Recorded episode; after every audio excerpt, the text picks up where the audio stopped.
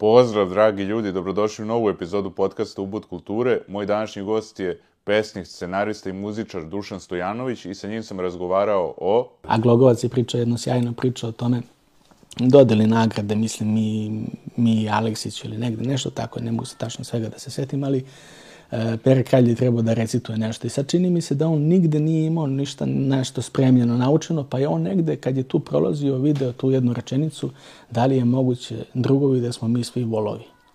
I on je, Glogovac je bio u publici i to je gledao i Pera je izašao jedno 10 minuta, samo tu rečenicu, na milion različitih boja. Nevjerojatno. Ne.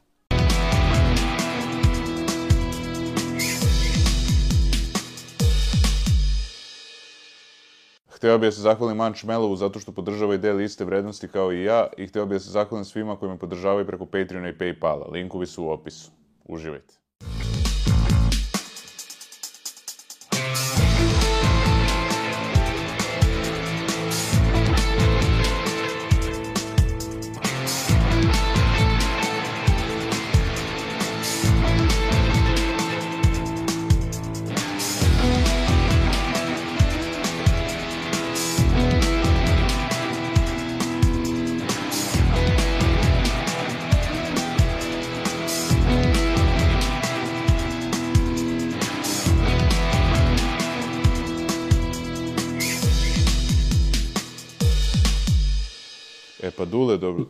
Dobrodošao, mnogo ti hvala što si došao. Bolje te naša. Za početak jedno manč pitanje. Zašto si baš izabrao da pišeš o Gagi? Pa, zato što mi je mnogo pomogao u životu, činio je mnoge stvari velike za mene i ne, mislim, nije samo to, nego to je nešto intimno, jedno osjećanje. On to nije stigao, taj svoj veliki san da ostvari i onda sam hteo da bar eto u tome pomognem, učestvujem. To je trajalo malo duže, ali je zato bilo jedno lepo iskustvo i drago mi je da sam to uradio, da bar nešto, eto, da, da vratim za sve ono što je on meni, a i svima nama davao. A po čemu je to bio specifičan Gaga ovako kao čovek? Pa Ga- Gaga ti je kao sinonim za Beograd, ko Avala ili ovaj, pobednik ili tako nešto. To je jedno... Pa mislim da on sam nije toliko ni mario za to što smo mi doživljavali i videli u njemu, da je on bio iznad svega toga altruista, čovek koji je živeo, čini mi se tako, tako ja to vidim, svima sve da kako spasi koga. I uvek je bio spreman da pomogne i ti si mi pričao pre nego što smo počeli ovo da on nije želeo da ljudi znaju za to.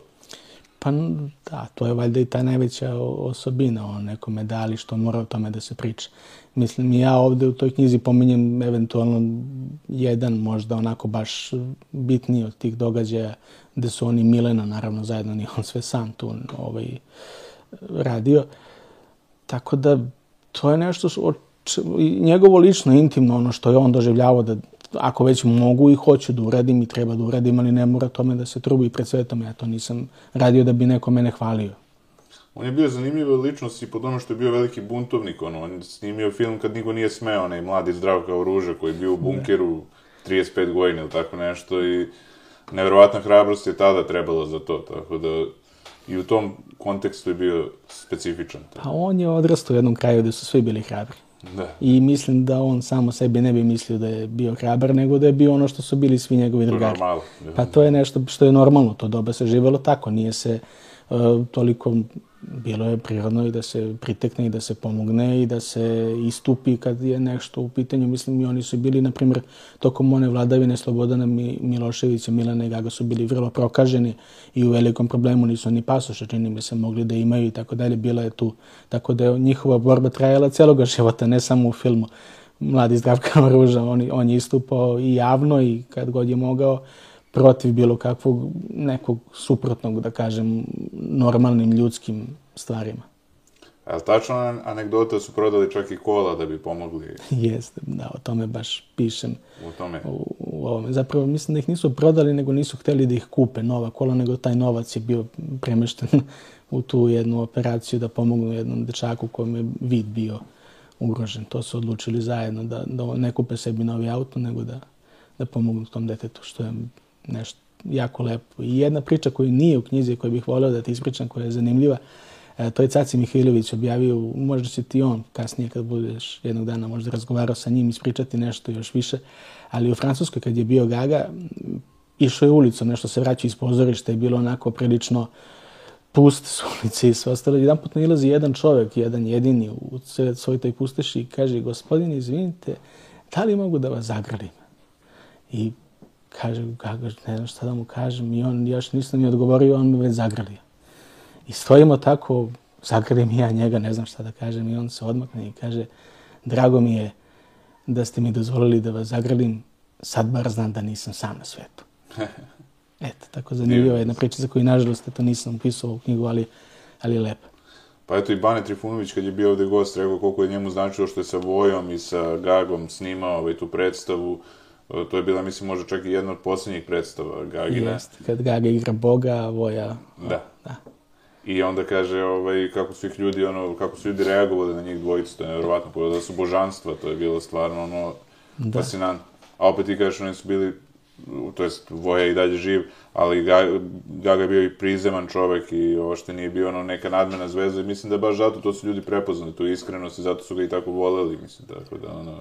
Upravo si sve što kažeš, ne znam šta bi ti sad više dodao na to, jeste, tako je, bio je jedan o, divan čovek kome je bilo moguće prići, mislim, i, i pričati sa njim i, i da te dočeka i da te čak i ugosti, mislim nije dozvoljavao, na primjer, da neko tu sad u kafani plati piće sem njega. Ima jedna divna priča za vreme bombardovanja 99. E, svaki ceh koji je bio u atelju 212, svih koji su dolazili, sve Gaga pokrio. I nije dozvolio da iko ikad do, nešto tu učini na tu stvar. Tako da je on bio pre svega neki, da kažemo, i domaćin, pa eto u tom atelju 212 svih koji su tu dolazili. A reci mi, pre Gage si pisao knjigu o Zoranu Radmiloviću. Jes. Ovaj, po čemu ti, on je preminuo, da kažem, ti si rođen 84. a on je preminuo 85. je li tako? Da, jeste. Ja sam razmišljao dugo i pišući i šta ću reći ljudima na kraju kad me pitaju što ti pišeš uopšte o tom čoveku ti njega ne poznaješ i kako bi mogao ti uopšte nešto tu da, da kažeš. Ja sam njega upoznao na jedan čudan način preko one video trake e, o Radovan Treći, normalno. I moj pokojni brat je dobio tu traku kad je imao 7 ili 8 godina, to je tada bilo popularno, ta predstava i tako snimljeno na tom video rekorderu, on je to pogledao u nekom trenutku, uveče su došli gosti na rođendan i sad je moj brat Nikola krenuo da, da za nas igra ulogu Radovana Trećeg. Bukvalno da igra, zato što ne, ono što je Zoran radio, to je naravno jedan ne, ne, neka stvar, ali ono što je Nikola nadograzivao u toj igri, to je nešto što je moja fascinacija. Ja sam zapravo preko Nikole upoznao Zorana, čak nisam da ga nisam ni video pre nego što sam ga video kroz mog brata u toj njegovoj igri predstavi za nas koju je napravio. Jer mislim da se Zoran, i to je neki ključ, verovatno, i cele te priče oko improvizacije, da se on igrao silno sa tim, da on, to je ono što je dete koje je tada ovaj, prepoznalo u, u toj igri igru i zato je i nama prezentovao tako da nije bilo, na primjer, članska karta od 2 cm koja viri iz džepa, nego viri članska karta od 2 metra. O, I tako je to jedna zanimljivost. Tako je počelo, zato sam verovatno najviše, kad je on poginuo, nisam imao hrabrosti da pišem knjigu o njemu, pa, pa sam pisao knjigu o Zoranu Radmiloviću i tako napravio jednu Odu i bratu. Pa i, bratu i Zoranu, a Zoran je zaslužio to svakako svojim likom i delom, nemam šta tu sad pretjerano da ti kažem, ti znaš i gledao si, ovaj, ako nisi slučajno gledaj Molijera, ima da se pogleda snimak ili naravno. Paviljon 6. Kraljebi i, i Radovan su nešto što, zato ti ne pomenjem, što su svi gledali. Da. Ali drveni sanduk Tomasa, ovaj, pa to sa Cicom Perovićem, sve te, svi ti izleti umetnost. Da, da. To, je, to je nešto fascinantno i nešto preveliko. Cica Perović kao ogroman glumac i Zoran koga je on prihvatao. E, to je redkost jedna da je, da je Cica nekoga prihvatao. Cica je bio vrlo, kako sam ja shvatio od tih ljudi, osoben čovek i, i, i prilično sam u, u svom nekom svetu. Tako da ima jedna, meni jako zanimljiva priča kad je Cica kupio svoj prvi frižider. I onda je celu jednu noć proveo kraj otvorenog praznog frižidera gledajući ono svetlo. I ni, ni, samo je to, žena izlazi i gleda, a on tu sedi i gleda u frižider. To je bila njegova I on je imao sad pare da kupi sebi tako neku stvar. Ranije to nije postojalo, čuvali su ljudi na druge načine ovaj, hranu, nije, nije to tad bilo nešto svakodnevice. Pa znam sad, e, sa Cicom je bio dokumentarac, oni njegovi putopisi u stvari, ne dokumentarac, nego baš putopisi, ovaj, gde, ovaj, to ranije nisam gledao, uopšte nisam ni znao za tu njegovu stranu, da je bio veliki putnik po svetu i, ovaj, ali što kaže Ljubo, on je bio, kaže, usamljen po, sv- po svojoj volji, ono, znači nije bio on usamljen zato što je bio odbačen od društva, ne znam šta, nego on je jednostavno bio po prirodi takav, ono, po svojoj želji, ono, da, Pa da. osobenjak, kako bi rekao. Pa to baš je to osobenjak na neki svoj način. On je i u glumu ušao na poseban način, drugačiji od svih, kao i Pavle Ujsić, jedan specifičan. A sada svi znaju da je najveća nagrada za životno delo Pavle Vujsića i tako dalje. možda bi trebala, možda bi trebala i Cicina da postoji možda za, za glumu ili tako nešto. Jer slabo ko može da, da, to su neki nivoji umetnosti koji su to, znaš, sad da ne napravim imena da ne bi nekome i tako dalje. Ima mnogo naših glumaca koji su stizali dotle i tako dalje, pokazivali to zašto bi, Beck, mogli da, zašto bi mogli da dobije tu nagradu Da, da. Cici Perović, jer on je svakako neka umetnost za sebe. A reci mi, da, dobro, ja sam pročitao negde, u stvari nisam pročitao, nego sam saznao o tome da je Radovan treći u stvari bio na 30 strana, znači sve je bila čista improvizacija, ovaj, uopšte ne znam da li bi tako dobra bila predstava da nije bilo Zorana. Ne, mislim. bi Zorana je bila, e, ova, ta predstava je bila pred skidanje. Ona se igrala deset puta, tu je i Bata Stojković imao svoju ulogu, on je igrao tog čuvenog koji živi u Amerikama, ovaj, pa i dolazio u jednom trenutku, pojavljuje se sa nekim šeširom, postoji, mislim, jedna fotografija njegova baš u, u tome. To je trajalo kratko, trajalo je sat i 20, tako nešto otprilike. E, I onda kasnije vremenom Zoran krenuo da, da dodaje, odnosno počela je predstava da živi tek nakon tih deset izvođenja, a to je ono što je Zoran često i govorio ljudima, nemojte da mi tražite, da mi dolaze e, ovi moji ocenjivači, podcenjivači, precenjivači pre nego što ja napravim ulogu. To ne može da se desi u jednom trenutku kad vi to očekujete na premijeri. Premijera ne znači da je to delo gotovo. Ono je spremno da se na njemu jeli, doda, da se na njemu nadograti. I on je tu to i uradio, naravno, i u toj predstavi, i u Ibiju, kao što si pomenuo prije. Ovaj, a ima i jedna predstava koju ne pomenju ljudi i ne znaju, a to je uloga moje porodice u svetskoj revoluciji, gde je on isto imao jednu divnu improvizaciju koju, nažalost, nemamo zbog toga što nisu snimane te trake. Ali nije on uh, samo glumac improvizacije, on je pre svega možda uh, jedan apsolutni glumac koji pokriva sve svoje što je potrebno. Jer on dramski jako dobar. Kad je igrao Lazu Kostića, on je sjajan. Sjajan u tom Molijeru, u tom paviljonu šest kod Pintilija sa Cicom Perovićem, pa onda e, u, kao e, komediograf, naravno, opet u ovoj jednoj drugačijoj vrsti Majstor što je... jeste priča iz majstorske radionice, to je zanimljivo. Tako da ima, im- mislim, on je jako širok glumac. Ljudi ga svode na, na te dve neke, zato što to najviše pamti, jer to je ponavljano i tako i ušlo i u narod. Ali zapravo on je apsolutni glumac, on je, pokriva sve. Može se reći da je jazz glumac, to je i Pere Kralj je jazz glumac na izvestan način, pogotovo kada recituje. On otvara tu drugačiju ritmiku, on ulazi u, u neke svoje improvizacije, čitanje poezije. To je nešto neverovatno, to je fascinantno. Baš sam gledao i, i, i tvoje pesme kad je recitovao, gledao sam i ove neke od eh, Brane Petrovića i stvarno je fa fascinantno što ti kažeš, ovaj, to je sam za se, samo za sebe remek delo, ono, mislim. Mada i Bekim je imao odličnu recitaciju. Ovaj, Kako ne, čovjek peva posle rata. Da, da, da. Sjajno, ali to je ono što smo uspeli da čujemo zato što je to snimljeno, a šta sve nismo čuli. Da. A Glogovac je pričao jednu sjajnu priču o tome, dodeli nagrade, mislim, mi, mi Aleksić ili negde, nešto tako, ne mogu se tačno svega da se setim, ali e, Pere Kralj je trebao da recituje nešto. I sad čini mi se da on nigde nije imao ništa nešto spremljeno, naučeno, pa je on negde, kad je tu prolazio, video tu jednu rečenicu, da li je moguće drugovi da smo mi svi volovi. I on je, Glogovac je bio u publici, to je gledao i Pera izašao jedno 10 minuta, samo tu rečenicu, na milion različitih boja. Nevjerojatno, da. Ne.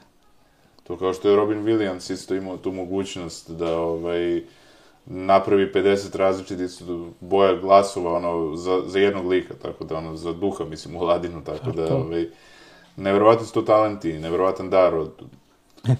tako da, a reci mi, ti si, to je eto, sticajem, ajde da kažemo, sad tužnih okolnosti u smislu da to pred kraj njihovih života, ali opet dobra okolnost je to što si ti uspio da snimiš njih, Boru Todorovića, uh, Arsena Dedića, Petra Kralja, Gagu, Ovaj, kako je to uopšte sve započelo? Kako, je uopšte, kako si došao na ideju da recituju tvoje pesme poznati glumci? Pa uvek to ide od neke ljubavi i tad je bilo posredi zaljubljenost u jednu devojku koja je trebala da dobije na poklon za svoj rođendan jedan ovaj, CD na kojem bi Per Kralj govorio pesmu posvećenu njoj uz nekoliko pesama koje su pisane za nju. Međutim, kako to slučaj komedijant napravi od naših života, uđe se u jednu traganje, ne znam, ja sam krenuo za perom, nisam uspeo da ga nađem, otišao je valjda na letovanje, nisam mogao tu nešto, mrtva sezona u pozorištu, nigde nema nikoga da pitaš, nigde je pera, ni bilo šta, ja kao neko ko tada se nije bavio još uvek, niti poznavao nekoga kako bih došao uopšte do pere, nego sam kuckos na vrata, dobar dan, da li je to pere kraj, ja nije. I onda, igrom slučaja, jedna moja prijateljica, gospođa Lepa, je poznavala Srbu Milina, koji je sjajan glumac bio, a i jako lepo govorio poeziju i eto on da učini, pošto se bližio taj rođendan, da snimi tu pesmu ranije. I sad pojavi se u jednom trenutku, ja sam imao bend i pojavljuje se moj klavijaturista i kaže šta radiš, šta ima novo, kažem tražim Peru Kralja, nigde ga nema. Kaže Peru tražiš, pa on je na Dunavskom keju, ja sam tamo živeo, tu broj taj i taj, ja kažem dobro. I kažem ovaj, idem tamo da ga tražim. I onda sam tako došao i nađem ga najzad u jednom trenutku zapravo nađem Sonju, njegovu Sonju Divac, divnu umetnicu. Ovaj, možda je se sećaš iz one uloge u, u e, Grlomu Jagode, čuvena ona scena sa Banetom kad se okretne igre, ovaj, da, da, to je naravno. Sonja Twist je zovu tu i tako dalje. Ja to mi je jedna serija, znači pa znam sve iz te serije. nađem nju i ona mi da Perin broj telefona i Per kaže, mene tražiš, kako je moguće nisi mogu da me nađeš, ja sam svuda, svuda ja sam tu. I tako se mi nađemo i on krene da mi, da mi ovaj, pomogne, snimi te pesme i tako odjedan put Goran Sultanović, ne znam, Maljoša, ceo atelje 212, koga god možeš i vrh svega toga, nije mi bilo dosta. I zove Matiju Bečković i Bora Đorđevića koji je bio i moj učitelj. E, da mi i oni snime po jednu pesmu, dve, ne znam tačno i to sam sve stavio na taj jedan CD, Balkanski rock and roll se zvala cela ta zbirka i tako smo to napravili i promociju. I eto, tada postoji to tako malo na YouTube-u negde. I ljudi... I gledano vidio sam. Ono. Pa jeste, da, nego ima ta neka, da li sad ja nisam, što kaže Ceca, nisam, to ne znam, toliko da se pojavljujem, da nešto sad ja tu jurim ispred svoje poezije. E ona je imala tu sreću i ja sam imao sreću da se upoznamo moje poezije i ja i da ona ode dalje od mene, da živi neki svoj život nezavisno od mene, zahvaljujući tim snimcima. Mnogo se ljudi javilo sa akademijom, koji su hteli da upišu akademiju za glumca ili šta već za reditelja. I imali su neku želju iz nekog njima znanog razloga da pričaju sa mnom, da ja pogledam to kako oni spremaju, pa da govore tu neku moju pesmu, pa da pogledam i ostalo što su spremili i tako dalje. I u slučaju sad neko, oni nisu tu ušli na te akademije, nisu primljeni, ali birali su tu moju poeziju da je govore. A neki drugi sam čuo koji su i uspili da ju upišu, isto su birali tu moju poeziju i tako sad je ona postala neka od savremenih pesnika kao redovna na, na tim prijemnim ispitama, što mi je čast. Lepo je da, da neki mladi ljudi određuju malte ne ceo svoj život time što biraju neku, neku pesmu. To je divno. Da li će uspeti ili neće uspeti, to je opet borba i sad to je naravno pre svega zbog Pere Kralja. Jer je on dopro tom poezijom do njih da oni to zavole i oni pokušaju to isto i da da na neki svoj način donesu i, i da urade. I to je ono što je lepo. A tebi su dva tragična događaja u životu odredile isto to da ćeš se baviti, mislim, time, verovatno te inspirisala, ovaj, u, to je bio ovaj, drugarica ti, je li tako, preminula? Jeste, da, Vanja. Vanja iz, iz tog nekog početka, šta ja znam, mi smo tad imali bend, više sam pisao za bend, nisam ja toliko poeziju Mario ili gledao. Gaga me uveo u poeziju. On je, prvo sam zbog njega napisao pesmu, to kad sam imao sedam godina. A, a, a sa Vanjom se desila ta tragedija, nažalost, na Crnom moru ona se utopila i onda ja odem jednog dana pametan kakav sam ili čita iza ovoga što sam kazao glup, odem u, u pokušaju da nešto tu sad prevaziđem. Ne može se život prevazići time što ćeš ti nešto pisati ili nešto, ali se nešto lepo desilo zbog toga. Otišao sam kod Bora Đorđevića i rekao je možemo napišemo jednu pesmu moje da, da drugaricu zajedno da uradimo. I tako smo tri meseca pisali jednu pesmu, on i ja.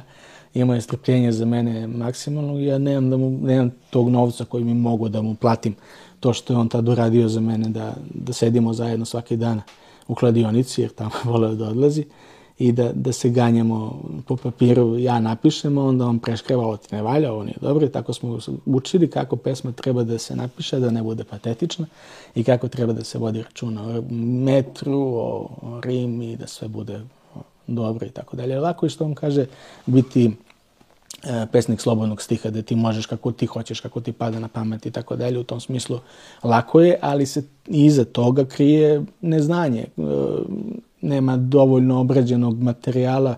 To je, kasnije se to nauči, to ja sad ti pričam neke stručne, ali to se kasnije ako nauči. Ti u početku pišeš na bazi nekih šta ja znam, inicijalnih emocija koje se desile i tako dalje, a ovo što me on posle da kažem, šmirglao i, i mrusio da ja tu nešto postanem, to je zahvaljujući pre svega tome što smo tih tri meseca provali da pišemo tu pesmu. To je tragično, tragično da je slučaj da je Vanja glumac, tako se prezivala, što je specifično i zanimljivo možda za celu priču vezano oko glumaca koji su kasnije. Bere Kralj je govorio o pesmu posvećenu njoj.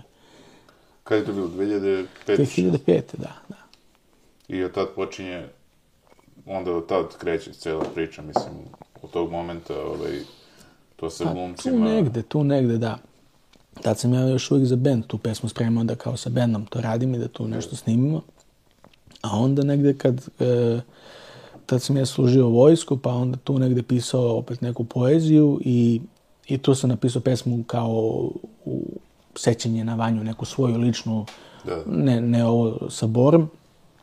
I ispalo je zapravo da sam, to pesnici ponekad uspeju da nagoveste da sam nagovestio smrt svog, svog e, brata tom pesmom, zato što pominjem neke reči koje kasnije kad sam čitao, shvatio sam, to je tri meseca pre nego što onda nastaviti da napišem tu jednu pesmu koju Pere, Pere Kralj posle govori kad te nema. Ovo, ovaj, tako da su u toj, do, dobro si to i primetio, u te dve pesme možda to ključ tog nastanka. Nego to sve išlo tako jedno za drugim i tako je nekako nastajalo i ti se sve nešto braniš od života pokušavajući, pa i kroz tu pesmu ja, ja opet Mnogo, mnogo je ljudi koji su neke svoje drage isprećali puštajući, ne znam, poti sad, to je društvene mreže, to sad postalo glasilo ko što nekad bilo ono, u novinama postavljaju neku čitulju ili nešto i neku tužnu pesmu od Disa. Sad uzimaju u savremenom obliku pa stave na, na te neke Facebook strane, šta ja znam, gde već podele uh, te neke svoje emocije kroz to. Što je opet, šta ja znam, i čudno i zanimljivo i drugačije. Jer ljudi vide kroz te neke reči neki svoj život, što znači da ja ipak uh, govorim nešto što vidi svako, nisam zatvorio to za, za neku, kako da kažem, malu grupu ljudi, nego eto imam tu sreću da, da je taj dar bio toliko uh, pametniji od mene da napiše nešto da, imaš tu neku vrednost koja je za svakoga, a nije samo za tebe. Da bude malo naliki onima koje sam voleo kao gaga, znaš, ono da nešto učiniš, ajde ovi ostali osete nešto. Jedno mi se jedan muzičar sjajan javio i kaže, lečio sam se tvojom poezijom, nešto mu se desilo u životu i to mu je značilo jako. Pogotovo ta pesma za ovu devojku, e, Srba Milin, što je govorio, ovaj, i nije mi ništa, tako se zove to mu je nešto mnogo značilo. Čak me je molio, molim te, samo nije, nije postoji više nigde taj CD da se kupi i to, ako možeš samo mi pošalji bar da imam ovako da, da slušam. I se čuo sve te snimke i to? Pa jesam, jesam, naravno, to se, da. to se sačuo, ne smeš to da, ne sme to da, da izgubiš. Pa, da. A preko Bore si došli do Arsena, ili tako? Preko Bore Đorđevića, da, da. Pa je bila je ta neka, šta ja znam, mene to nešto vodilo, ja sam, naravno, prijati, ta umetnost, pa onda ideš ka tome, ne, ne zbog ničeg drugog. I zato sam hteo ah, s Arsenom da snimim tu pesmu neku koju sam, koju sam napisao za Matiju Bečkovića. To je, pošto se pominju te neke bliznakinje i tako dalje, to mi je bilo nešto zanimljivo ovaj, zbog Ljudmile i Olje, da, da to postoji kao neki odgovor zato što je meni Matio činio što nikada nije činio, da nečiju tuđu poeziju on govori.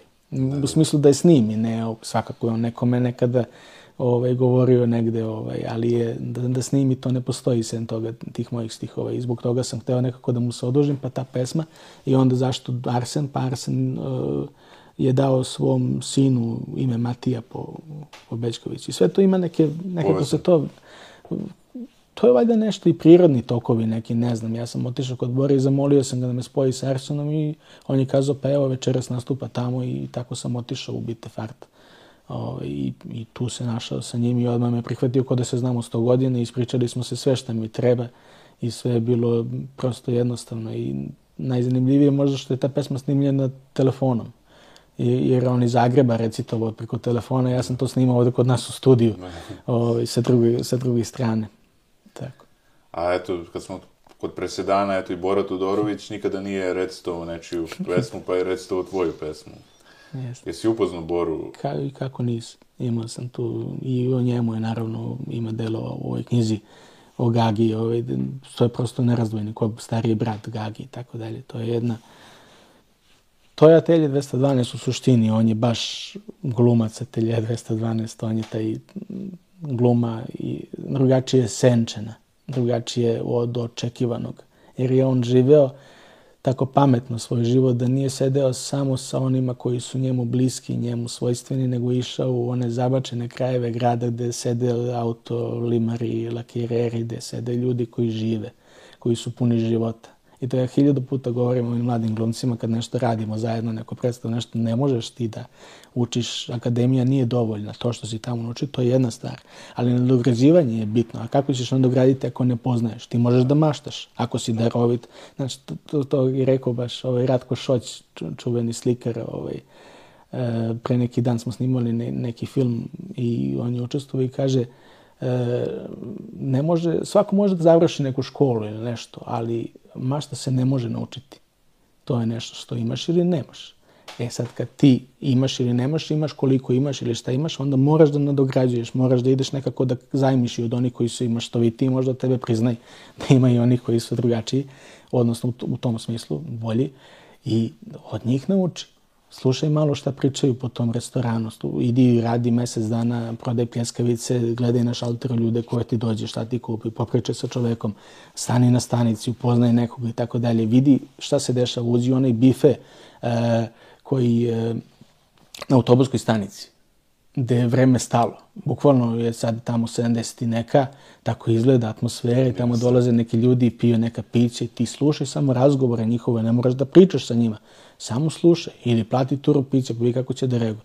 I naučit ćeš, naučit ćeš, tako je Bora stvarao svoju umetnost, učeći uh, karaktere ljudi s polja. Zato je bila kvalitetna. Sedim pre neki dan sa Sultanovićem, gledamo uh, jednu TV dramu koji su Zoran Ramilović, Taško Načić, Ceca Bojković i ima tužna neka scena gde Zoran malte ne umire, a Taško mu svira na harmonici neku pesmu i tako dalje. Kaže, ovo danas ne postoji. A zašto ne postoji? Jer se ne druže, ne sede posle predstave da popričaju, da uđu u, ta, u to. A sve je to moguće, nije to ništa iščezlo ili tako nešto, nego je tu. Samo moraš da se baviš u, tom smislu. Ja ne kažem da mi nemamo dobrih glumaca, suprotno tome. Mi imamo ljude koji mogu, ali moraju da uđu u svet, moraju da uđu u život, da se bace u njega, da bi dobili to što život nosi. Da bi mi dobili opet tu umetnost koja je nekada krasila naše scene i, i ove filmske trake koje sad više ne postoje nego kartice. Pa znam za Boru, kad sam gledao neki njegov intervju za Boru Todorovića, ovaj, da kad je rekao da mu je jedan od omiljenih, u stvari uloga, možda i omiljena, ovaj dom za vešanje i da je on tu probao, ne znam, 3-4 meseca sa Romima i tako ih je i upoznao bolje, eto, što si ti pričao, taman se to uklapa sa time, a ja mislim da je on glumac, ja sam baš istraživo, čije replike se najviše ono ponavljaju definitivno, zato što je on imao to, ne znam da li koliko je on to dodavao u filmovima, serijama. Računa i sve. Da, da, vruć vetar, znači kao Bob, ovaj, tako da ono, mislim, to je neverovatno, stvarno je bio specifičan ovaj, lik i meni je jedan od omiljenih. Do, drugu je rekao, mislim, profesionalac da mu je bila, ovaj, ovo što ima veze pa, sad da. i sa tom, što si, ovaj... Pa sve to je zanimljivo što kažeš, zato što je to istina. Jer, jer on je tu baš je tako istraživao i, i išao kroz to. Tu ulogu je trebao Gaga da igra to što je on igrao u Aha. ovome. To je trebalo, to je Gagi namenjeno i onda je on to odbio zato što je prihvatio da radi se obe. U pozorištu je Bata glumi. Ne, ne pričam za profesionalca, pričam A, za... Za da, dom. Tako je. To je trebao Gaga da igra, to je njemu namenjeno. Pa mislim sad, ovaj, ne, neću detalje i te neke stvari, ali jako je zanimljiva tu ta priča i kako je Bora to uradio, pa zato što je ušao tamo u taj svet, ušao je da ih nauči ko su, kakvi su, šta su, prihvatio ih je za ljude, oni su pre svega ljudi. U, tom, u tom smislu. Mislim, i to Romi kad kažeš to i, i znači to. I zato je on to i naučio od njih i zato je tako svaka ta uloga bila zanimljiva. Jer meni je, na primjer, najsimpatičnije što je Bora Todorović radio ništa od ovoga što ljudi navode, nego jedna stvar koju inače niko ne bi možda ni, znaš, ne znam sad ta uh, Mirjam, ta, kako se zove, Šotre, to posle obradio ceo taj jedan ciklus, ti ranjeni orlovi i ostalo.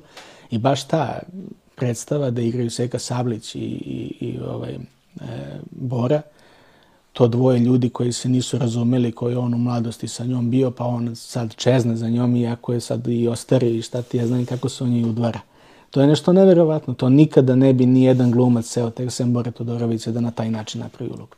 Jer on ide iz potpune kontra, on igra kod da igra Pepele tvora, ne, znaš, on tako se on udvara. Da. On nije ono što ti očekuješ nešto sad ću ja ovako, nego on, on je kad je tužan, komičan. I to je ono što je, senči ga drugačije u odnosu na očekivano. Zato dobijaš kontru, zato dobijaš mogućnost da vidiš te konture koje on napravi i, ono, i zato ti se to sviđa. Svima nama. A eto, ti si putem poezije malo te ne ušao eto i u glumu, pre toga je bila muzika, dakle, razne vrste umetnosti tebe zanimaju i ti se baviš i, i scenarije pišeš, je li tako? Da. I sarađivo si sa Glogijem, je li tako? Pa jesam, radio sam, imao sam, mislim sve ovo što pominješ, ja se to doživljam kao svoju veliku sreću što sam radio sa tim ljudima i sad to, možda mi znaš, ono kako to inače ljudi kažu i časti, privilegije i sve to tačno, ali ne znam, to su neki detalji koje ne možeš ti nije da shvatiš. Pred neki dan me neka novinarka pitala da li je Gaga znao koliko je on popularan. Da li je... I onda sam se setio Novaka Đokovića koji je pre neki dan su ga isto tako pitali da li je svestan šta je sve napravio. Tako da kaže, ne verujem, zato što kad si u igri ti ne znaš šta se dešava, tebe to ne zanima, ti si tad na terenu i daješ najbolje što možeš od sebe. I to je ono kako smo i dolazili do tih stvaranja bilo čega, to sa Glogovcem, to je za mene životvan, ne znam, to je nešto iznad. Zato što ja sam u njemu ovaj, video svog, svog starijeg brata. I tužno sam ga izgubio, kao što sam i Nikolu izgubio.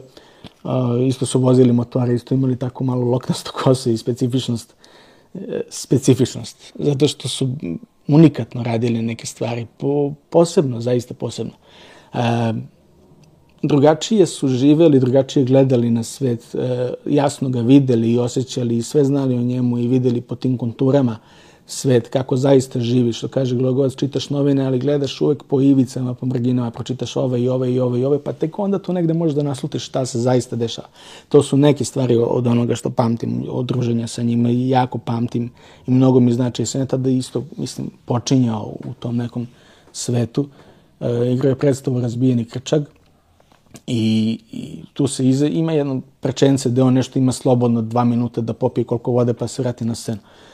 I on istrče napolje da popije to vode i ja sedim u, u salonu i hiljadu još ljudi, neki koji su zbog nekih stvari svojih došli tu, ali on od svih njih bira meni da se javi u, u svemu tome. To mi je značilo što je on mene prihvatio tako kakav ja sam, iako nisam bio ni poznat, ni, ni znan. Ni, to on je tako ljudi doživljavao, ako mu neko prija, prija mu i tako se i bavi, bavio celim svojim životom. Mislim da je, da je verovao u umetnost do posljednjeg daha i da bi voleo da, da ti ljudi i dalje igraju na tom nivou, ali to su ti kao motori, kao Zoran Radmilović, neki, da kažem uslovno rečeno, motori koji pokreću celu ceo ansambl koji Vuku sa sobom na svojim plećima nosi. I zato sam kazao u jednom trenutku posle tog njegovog odlaska, svi su govorili on kad se pojavio, on je postavio novi pravac skretanja Jugoslavenskog granskog i utro to je neki novi put, neke nove šine.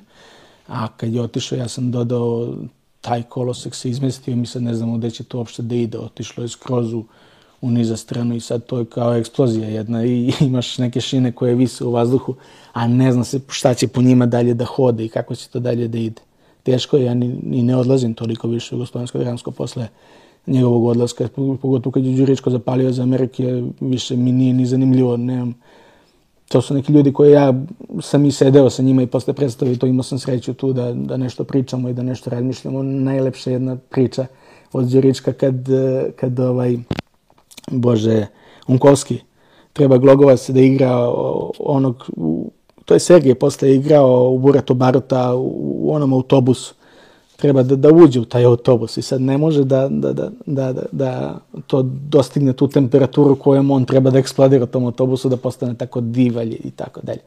I Unkovski, to je fenomenalna stvar jednog reditelja, da on neće pred svim glumcima da kaže šta treba da se uradi, nego samo dođi ti šapne da samo ti čuješ i neku indikaciju i tako dalje. Dođe kod Glogovca i samo ga gurne pre nego što treba da dođe u autobus, on ga gure go na autobus.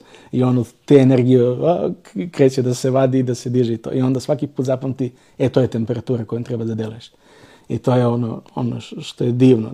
Biti sa tim ljudima, pričati sa njima, te neke priče i opet pokušati da tu neku svoju, ako možemo da nazovemo čim, čime se ja bavim umetnost, da, da to nekako nadogradiš i podigneš na taj neki viši nivo koji će omogućiti da opet neki klinac kad dođe sutra to nešto vidi.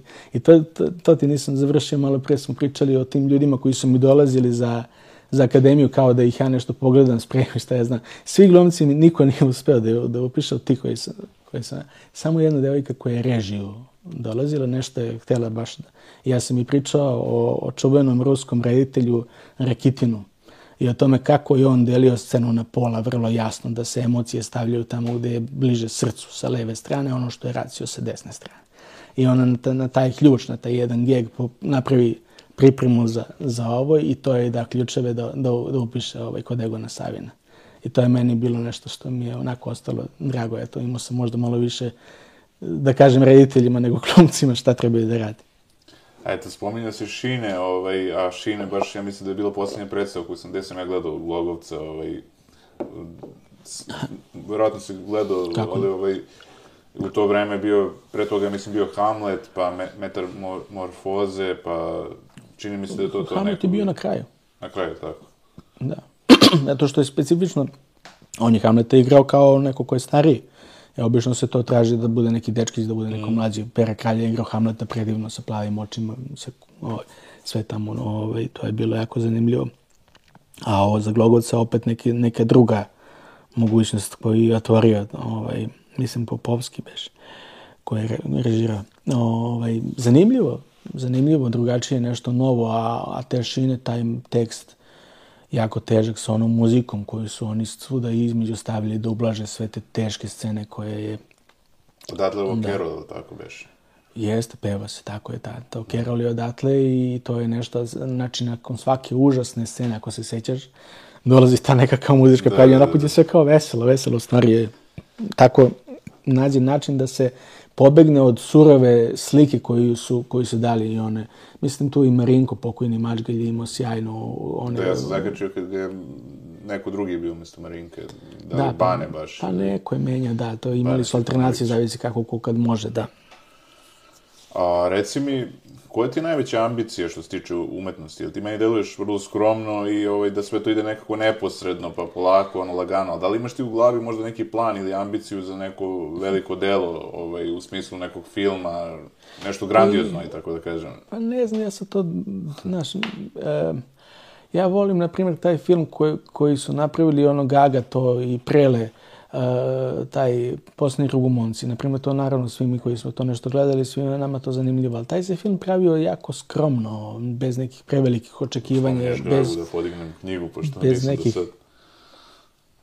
Ove, bez nekih prevelikih očekivanja sa, sa nekom uh, bliskoš, bliskošću sa nekim ljudima koji su voleli to što rade. Šta znam, ginuli za to da to naprave bez nekog nade da će što zaraditi i mislim i nisu u krajnjem slučaju ništa ni zaradili sem toga što je postao kultni film, što je vratno da. najveća stvar koja je mogla se desi bilo kom filmu ikada. Mislim, to što će lovu da zaradiš, lovo se potroši. Ali ono što ostaje u narodu, odnosno ono što ostane da živi, to je nešto čini mi se bitnije. Znaš, možemo to sad opet da stavimo u neki upit, da li je to toliko važno. Ali valjda taj sam proces stvaranja takvog nekog dela uopšte bi meni bio nešto što mi je zanimljivo. Mi sad imamo te neke scenarije koje smo napisali, moj drugar ovaj, kolega Lazar Stanivuk i ja uglavnom pišemo te neke scenarije. I sad nešto to, sve se tu nešto dešava i to će biti, komične su neke stvari u pitanju kao komedija, jedna koja nije do sada viđena u, u nekom ono, zadnjih 20 godina takva kod nas, sigurno. Uh, Ovaj, ne, mislim sad da ti ne opisujem malo ono, iluzorno, ti sad objašnjavam kao sinopsise o čemu se sve radi i šta ćemo da snimamo, ali vidim u tome neku mogućnost da je to zanimljivo. Vidim jedan film koji malo govori o Crvenom krstu koji bi voleo da napravim. Vidim tako neke, neke filmove, ne, neke serije i nešto što bih voleo da radim. To mi nešto što me vuče da se time bavim. Sad, koliko ću ja toga uspeti, ali sve to mi nije ključ. Naprimjer, meni je ključ to što hoću da napravim od svega toga. Da, da. O čemu ti ne bi sada govorio, ali mi je to ključ. Ključ mi je da napravim neko univerzalno delo više od, od, od, od samog tog nekog mog delanja umetnosti, da to nešto bude što će ostati uh, kasnije nekim generacijama koje dolaze da mogu i oni da se bave nekom umetnošću. A vidiš, tu se poklopamo sa komedijama, jer i ja bih teo, ovaj, sad treba im izađe strip, nadam se da će i u Italiji izaći ovaj, i komedije, u principu, mislim, tragi komedije, ali mislim da bi bilo zanimljivo zato što nema tog žanra puno kod nas i posebno nema dobrih, da kažem, komedija previše, ima, naravno, ima, ali ne dovoljno, po mom mišljenju, tako da, ovaj, sad i neki filmovi koji su izašli nisam baš bio zadovoljan sa time, ono kako to ispalo. I, ovaj, i volao bi da to bude ekranizovano. E sad, moram da vidim kakav je to put. Verovatno nije baš ono lagan put za ovaj, Pa zavisi šta hoćeš da, da napraviš, odnosno koliko, kako, da li hoćeš da bude to i sad i animiranih nekih delova ili hoćeš da bude nešto što je samo, a, kako da kažem, ono, da se igra, mislim, igrana, igrana struktura. Ne igra, igrana struktura i mislim ne zahteva ne, nešto što se smisli, što se tiče prostora, ne zahteva neke, ne znam, kakve prostore, ne znam šta, ovaj, u tom smislu ne, ne, mislim, ne, ne mislim da će mi trebati neke dozvole za, ovaj, Jasno. naš, naš, pošto za sve što snimaš napolju treba ti dozvola ovamo tamo i ja sam snimio neki kratkometražni film 2013. kad sam završio kurs režije i ovaj posao u veliku planu i taj film dobio kao nagradu. Mislim, amaterski je film bio i nije ni neke složena radnja, nešto. Samo je meni bilo bitno da vidim da li ja mogu nešto da napravim što ima celinu. Ono. Da, da. I od tad kad sam to napravio, onda sam objavio i prvu knjigu, pa sad, evo, ovo je sad peto delo, ovaj strip, ali ovaj, ta, tu mi je bilo interesantno taj zajednički rad, taj onaj kolektivni rad, da smo mi oko nečega nešto, mi smo snimali to ceo dan, to je pet minuta trajalo, nije ni važno, ono. Ali na kraju kad se to završilo, tako neki dobar osjećaj, ono, da smo svi zajedno, ono, u nešto uložili energiju i da je to, ovaj, i prijelo mi je to u tom smislu. Tako. To je najbitnije, najbitnije to zajedništvo. Znaš, e, u, na primjer, od 1212 je ranije bila stvar kad se završi ta predstava, odnosno proba, silazi se u bife, pa se tu radi još nešto se dodaje ili se...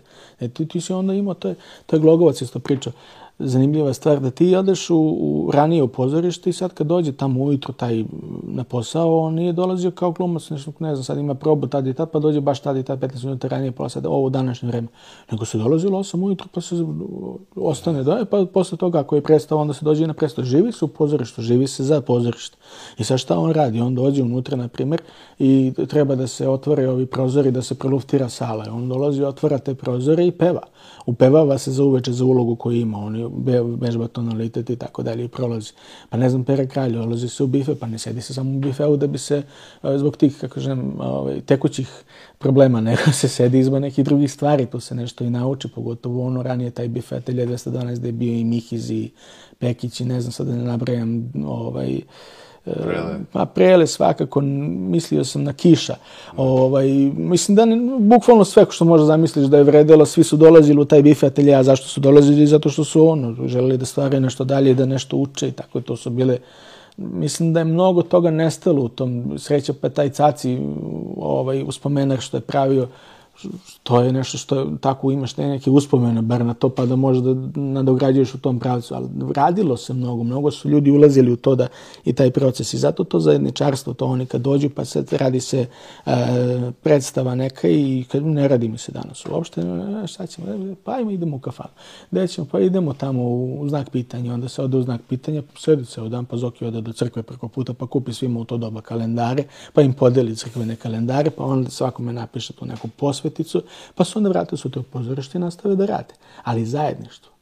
Jer oni rade za tu predstavu, oni žive za tu predstavu i onda kad dođeš, što kaže Zoran, on dođe i izađe pere kralj na scenu, pa me on grize u, u ovaj, svojim izvođenjem onako postanem deo malte neko da sam gledalac, a ne da sam ume da, da te izvede iz toga, kao što je Zoran njih u tom Radovanu izvlačio non stop ih i bacao, ili Glogovac što je u razbijenom Krčagu sa Ljubom Banovićem pa krenuo pa se, to ne, mislim, to je vatromet, to ne možeš to da doživiš, taj pokojni Torbice, to ovaj, neprežaljena jedna stvar i neverovatna. Ovaj, koliko je on to tad ono, kako je uspeo da tu neke stvari postavi i da se to vidi. Ali to je sve opet ono, sećam se da je nešto sam objavio posle, u jednom trenutku bio za o Muciju Draškiću. I sećam se da se njemu to svidelo, Torbici i tako dalje. Znači, on je to osjećao kao što je osjećao i Muci, kao što neki ljudi to, to shvataju. Razumemo se mi o čemu pričamo i šta je šta. Zato je to nešto i vredilo. Ja mislim da mi ti glumci nisu primiljeni zato što nisu imali sa strane preko puta možda razumevanje kao što su imali ovi koji su primali te koji su njih trebali tada. U tom smislu mislim da, da ne postoji danas e, ta neka želja za tom borbom da ti dokažeš da možeš kao što je e,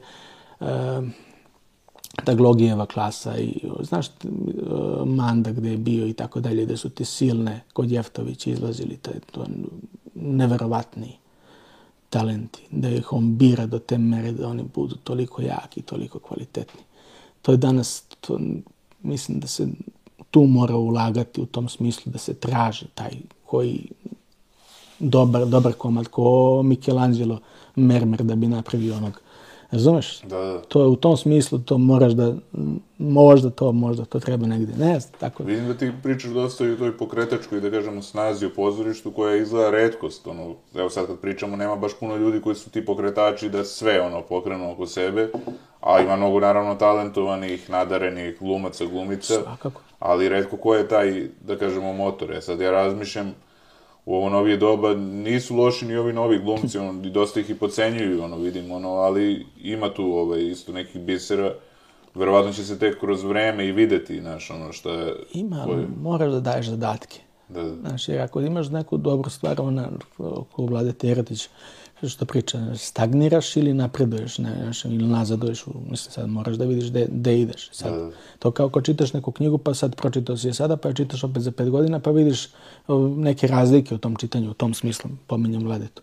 Ovo je tako i kod glumaca. Vidiš ga sad igra ovu ulogu, pa ga vidiš igra ovu ulogu, pa onda vidiš da li on tu nešto i kako je on tu menjao, napredovao i tako dalje. Kod Logoca vrlo jasno vidiš od prve one uloge kad ga je Zablaćanski još vodio u Pančevu, gde su igrali ono nešto, ne mu setim da Mušica, kako se zvao komad. Ja, to je, on je već školovan, bez akademije. On je, njemu je akademija SSLST, Mišu s puškom, Mišni s puškom ili ostalo.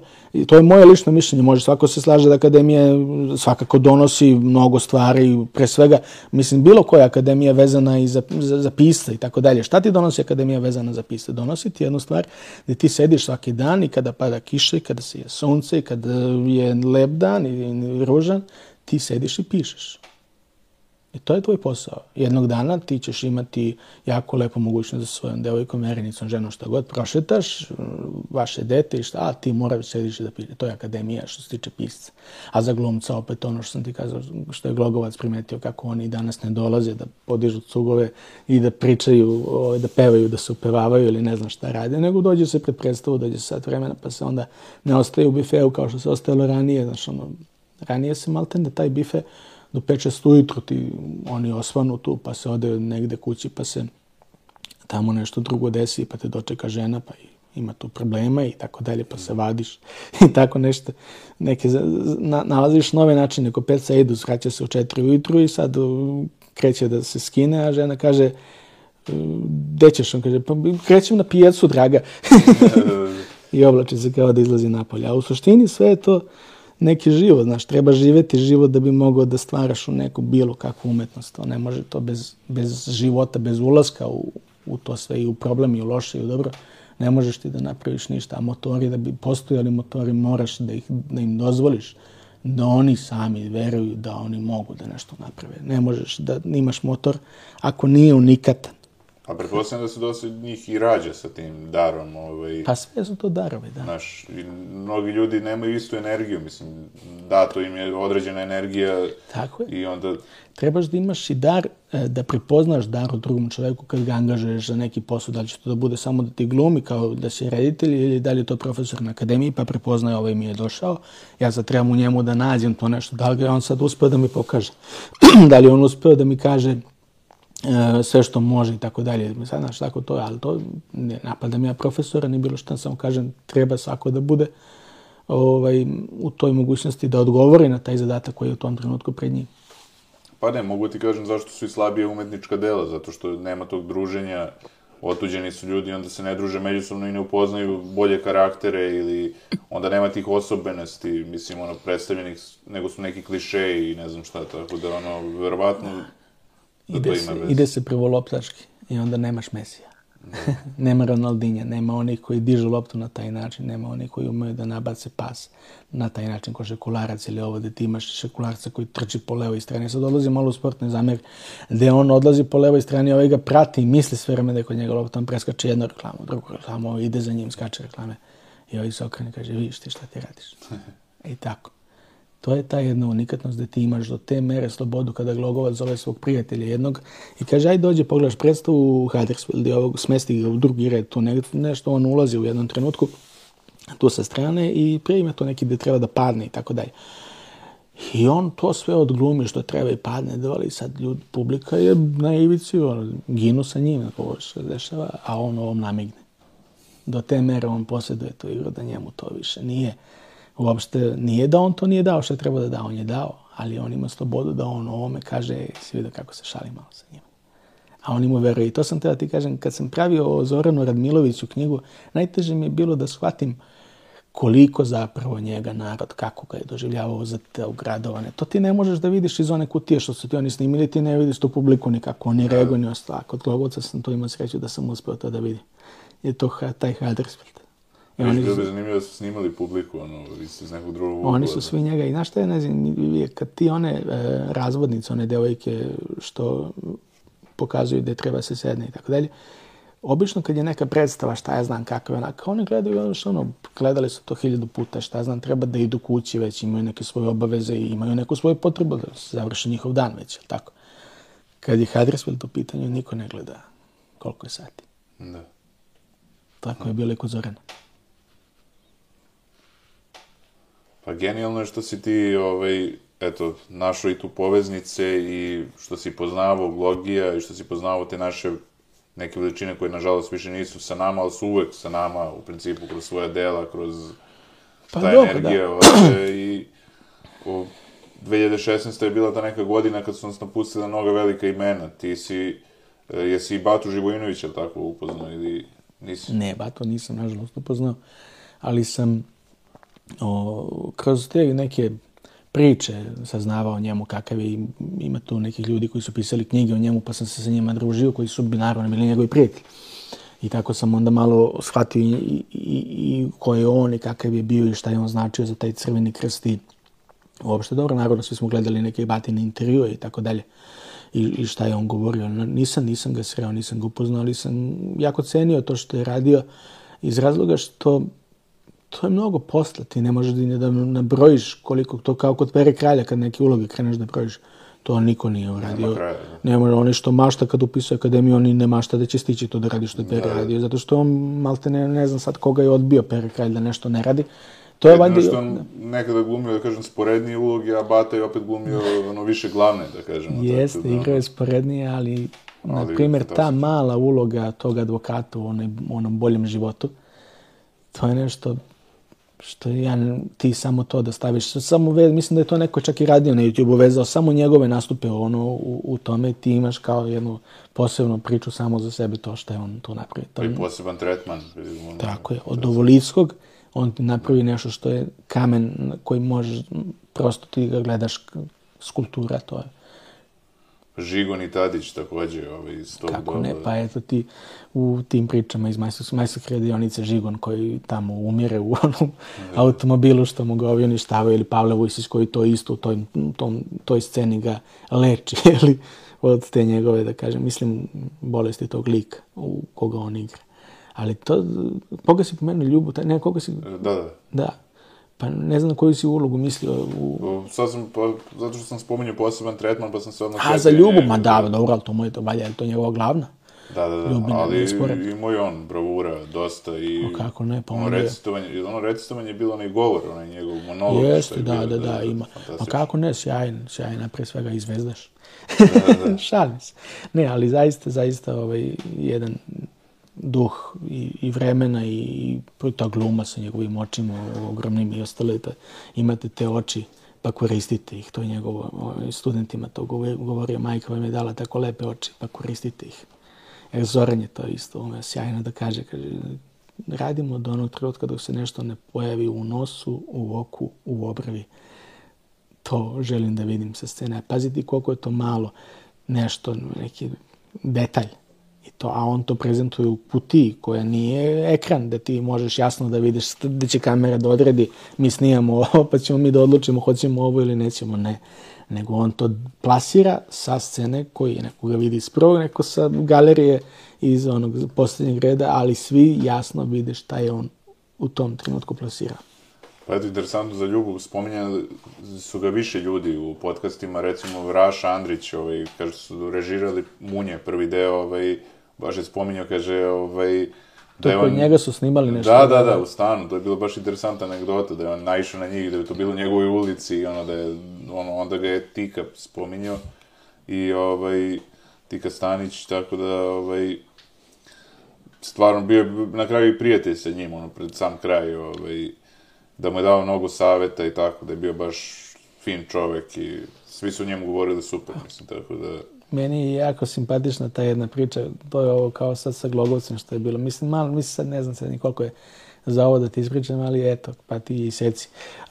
I kad je, on zove, igrao je u jugoslovenskom dramskom nešto, sad ne mogu setim tačno, i zove Mucija Draškića da dođe da to vidi. I sad svaki put kad god sve da ide muci da dođe. Da vidiš i tako jedno hiljadu puta da ga ne imitiram, prosto nisam ja tome baš vičan, ali njegov taj glas možda zamisliš. I on, doći ću, ne, ne, ne, jednom trenutku on dođe, ali nije mu kazao da će da dođe i sedne. I, i ovaj ga nekako sa scene vidi, to je jako teško baš, ono, pogotovo za njega koji govori, ja samo vidim glavice kupusa tamo dole, ne vidim ja nikog. I vidim Mucije i kaže, ovaj, u, u, u sred scene dok, dok igra, izgovara tekst tako, a publika ne primeti da se on obraća muci. Izgovara tekst muci, kaže, čekaj me, posle idemo do Maderine ćevape. U sred scene, mislim, to je neki tekst koji ne odgovara, mislim, da se pominju ćevape. Ali eto, tako to je on mogao da plasira i da to niko ne primeti se Muci. A Muci kaže, ja utonem u onu stolicu, samo čekam prvu sledeću pauzu da bežim. Katastrofa, mislim, ne, prosto zamisli sebe da ti neko sad, to, to je Zoran volao da radi, strašno je volao u, u, u Radovanu trećem, da se time igra. Kad mu dođe tako neko, ne znam, Goran Marković je došao nešto, pa onda on krenuo je ovaj reditelj, ja mora sad dobro da igram za njega, on će mene tu sad da gleda, pošto može će da me angažuje za neki film, ništa ja ne znam i tako dalje. I tako, znaš, on, pa on igra se na to, prosto mu se otvori u tom trenutku, dođe u Gaga i ne znam, Voja Brajević, i tu je ovaj, tri praseta iz otpisanih, sad će oni mene ovde da streljaju, pa se baci dole, ne, o, Nemci dolazi, tako, znaš, ono, koristi to šta je video u publici kao ovaj slučaj sa Mucijem i sa ovim. Mislim, ovo nije bilo u korist predstave, nego njihovog intimnog druženja, ali svejedno je opet bilo zanimljivost. Tule, mnogo ti hvala na ovom razgovoru i evo, gde mogu ljudi da nabave knjigu, ovaj, ako žele... O njoj nismo ništa pričali. Da, ništa nismo ovaj... pričali i sad bi možda mogli, eto, pred kraj da. nešto i kažemo. Pa to je, to je knjiga koja je roman. E, ona je napravljena u formi jednog raz, Gaginog sećanja, da, da kažem. A ono što sam ja uspeo da od njegovih prijatelja saznam tokom tih nekoliko godina koliko sam radio na tom delu, e, Gaga je spremao taj neki tekst u kome je on hteo da, da kaže e, taj svoj život, da ga je nekako ispriča. I onda to, nažalost, nije stigao da dovrši, ali ti njegovi prijatelji koji su imali tu privilegiju da to pročitaju, da, da to oni su meni govorili o tom njegovom delu, šta je on tu zamišljao, kako je zamišljao, onda sam ja gledao da mu ispunim taj poslednji san, da to živim maksimalno onako kako je on to zamislio. Tako da ova knjiga je od prilike najbliže onome šta je Gaga želeo. Tu postoje neka četiri poglavlja koje počinju po godišnjim dobima ove, koje su malo isprepletane, ali tako namerno napravljena kako je Gaga zamišljao, da kreće ovaj, sa jeseni, a dolazi do leta kada on odlazi, maltene kad je on došao, da tako i odlazi u leto. To je po njegovoj zamisli, svi znamo da je bilo u proleće, ali eto, to je tako plasirana knjiga i ispričane su neke zanimljive priče, neki događaji koji e, ljudi ne znaju, pogotovo vezano za, za njegova lična osjećanja. Njemu je strašno uskraćeno e, ta nikada završen ovaj, film Seobe i serija. to je nešto što njemu jako značilo. Priča se i o tome, priča se o, o njegovom ocu ovaj, i o golom otoku na kome je, nažalost, bio njegov otac Dušan. Priča se o, o Francuskoj, o nekim događajima koji su se tamo dešavali, o nekim e, glumicama koje su tu tada igrale sa njim i tako neki događaj koji prosto ljudi ne znaju, a opet ja sam pokušao to da sve uhvatim i napravim onako kako je on to zamislio. A zašto se zove Sanjao sam? Pa on je to hteo, hteo je da, tako baš da se zove knjiga i onda nisam ja želeo da menjam ništa od onoga šta je on hteo. Pokušao sam prosto da najviše što mogu da dođem do toga da, da to bude najbliže onome što, kako je zamislio, znaš. Jer verovao sam da, da je dobro razmislio o svemu tome. E, shvatio sam kroz, kroz neke razgovore, kroz nešto, e, da je do te mere on želeo to da bude tačno, da je, da je o svemu toliko promišljao. I zato i to sanjao sam je napravio da bude kao otklon jedan, da ti sad možeš i da znaš i da misliš da je zaista bio san i da, i da bude dalje istina, pa sad možeš da pitaš. I to je ono što je najlepše u svemu tome, da ti gađaš jabuku, ali ne pogodiš pa sad ti misli o tome. Tu je sve ispisano o, o, o tom životu. Ali ti ćeš naći ono šta ti misliš da je tvoja neka istina. Dule, mnogo ti hvala na ovom razgovoru. Uživao sam i želim ti puno sreće u daljem radu. Nadam se da će biti još mnogo toga i da ćeš i, i, i ti možda stvoriti neke nove legende, ono što se kaže, kroz svoje pesme, kroz... Hvala ti, drago mi je da sam, da sam bio i eto, We'll understand that.